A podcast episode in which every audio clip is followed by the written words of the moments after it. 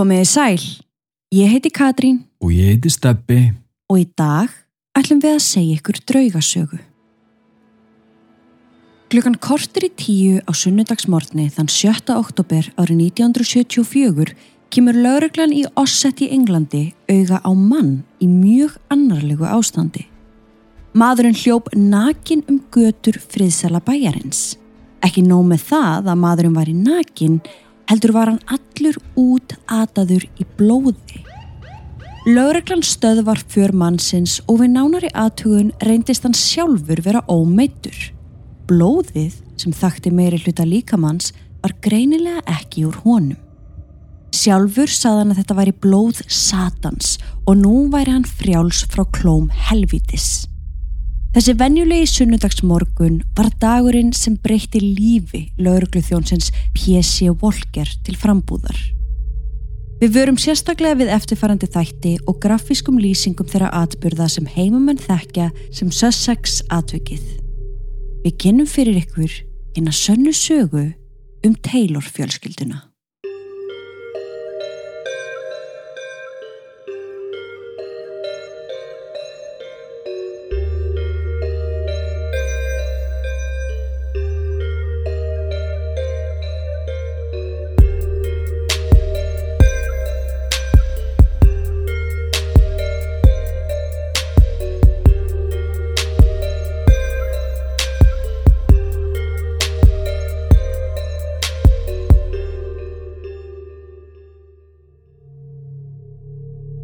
Við viljum minna á að draugarsögurnar okkar eru ekki við hæfi barna yngri en 13 ára nema með leifi fullorna. Og með því hefjum við sögu dagsins.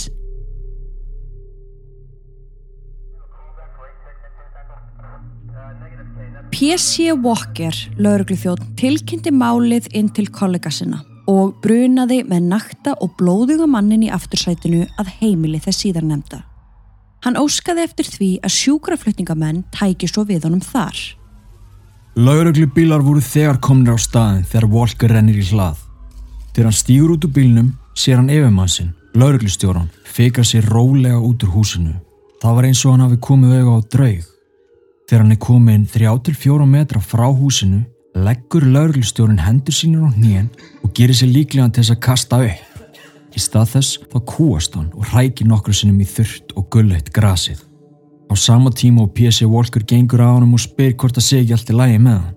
Yfirmaður Walkers spyr hann þá hvort hann sé giftur og Walker svara því átandi. Þá ert þú ekki á leiðin inn í þetta hús, svara lauruglustjórin og kveiki sér í síkaretu.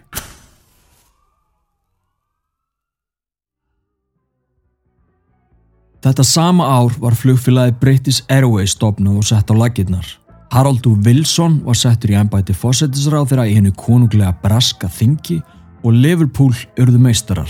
Hljómsveitin ABBA, David Bowie og Queen sátu á lista með vinsalistu lögunum það ár.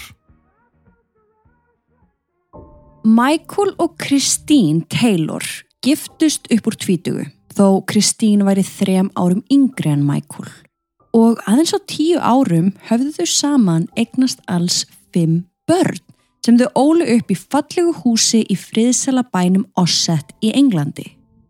Við erum að tala um óskup venjulega fjölskyldu sem skar sig ekkert úr frá öðrum í nágrenninu. Michael Taylor var myndalegur, tillitsamur og vinsæl í bænum með heldur afslappaðan persónuleika. Kristín var ákveðin, smágerð og aðlandi kona sem elskaði eigimann sinn afar heitt. Kærleiksrik fjölskylda sem glýmdi ekki við fleiri vandamál en hinn almenna fjölskylda. Michael var að vísu með slæma verk í baki eftir alvarlega aftanákeislu sem hann hafði aldrei fyllilega náð sér eftir. En hann starfaði sem kjötuðnaðmaður í Osset og hafði gert það í mörg ár. Fjölskyldan var ekki mjög trúið þó fjölmarkar kirkjur væru í námynd við heimilið þeirra.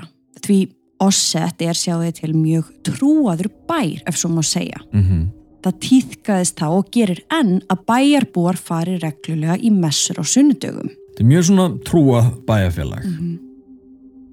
Þó að Taylor fjölskyldan væri eins og fyrr segir, ekkert sérstaklega trúið, þá voru þau samt alveg opinn fyrir hugmyndinni að, jú, kannski væri eitthvað æðra afl og að trúar yðgun væri að miklu leiti mjög heilbreyð.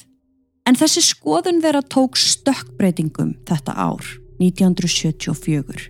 Þeirra fjölskyldu vinur og nágrannir þeirra Taylor hjónana, hún Barbara Wardman, kynir Michael fyrir The Christian Fellowship Church, kristilegum trúarsöfniði sem stjórnað var af henni 22 ára gamlu Mary Robinson. Michael þáði þetta bóð um að kynna sér starfsemi félagsins og satt bænafund þar sem allir meðlimir úr söfniðinum sátu saman í ring. Mary Robinson, svo sem stjórnaði þessu öllu saman, byrjaði samt fljótlega og afar skjótt að teitra öll og skjálfa og sagði sjálf að Hlustað á allan þáttinn inn á áskriftasíðinu okkar patreon.com skástrygg draugasögur. Það er auðveldar en þú heldur og fáðu aðgang að yfir 350 þáttum, rannsóknum okkar, sönnunagögnum, viðtölum, mymböndum og okkar geysi vinsalum mánudags mínisögum á samt alls konar aukaefni. Allt saman strax við skráningu. Engin binding og meiri sem sér app fyrir alla þættina til að auðvelda þér aðgengið. Svo eftir hver er þetta býða? Vilt ekki vita hvernig sagan endar?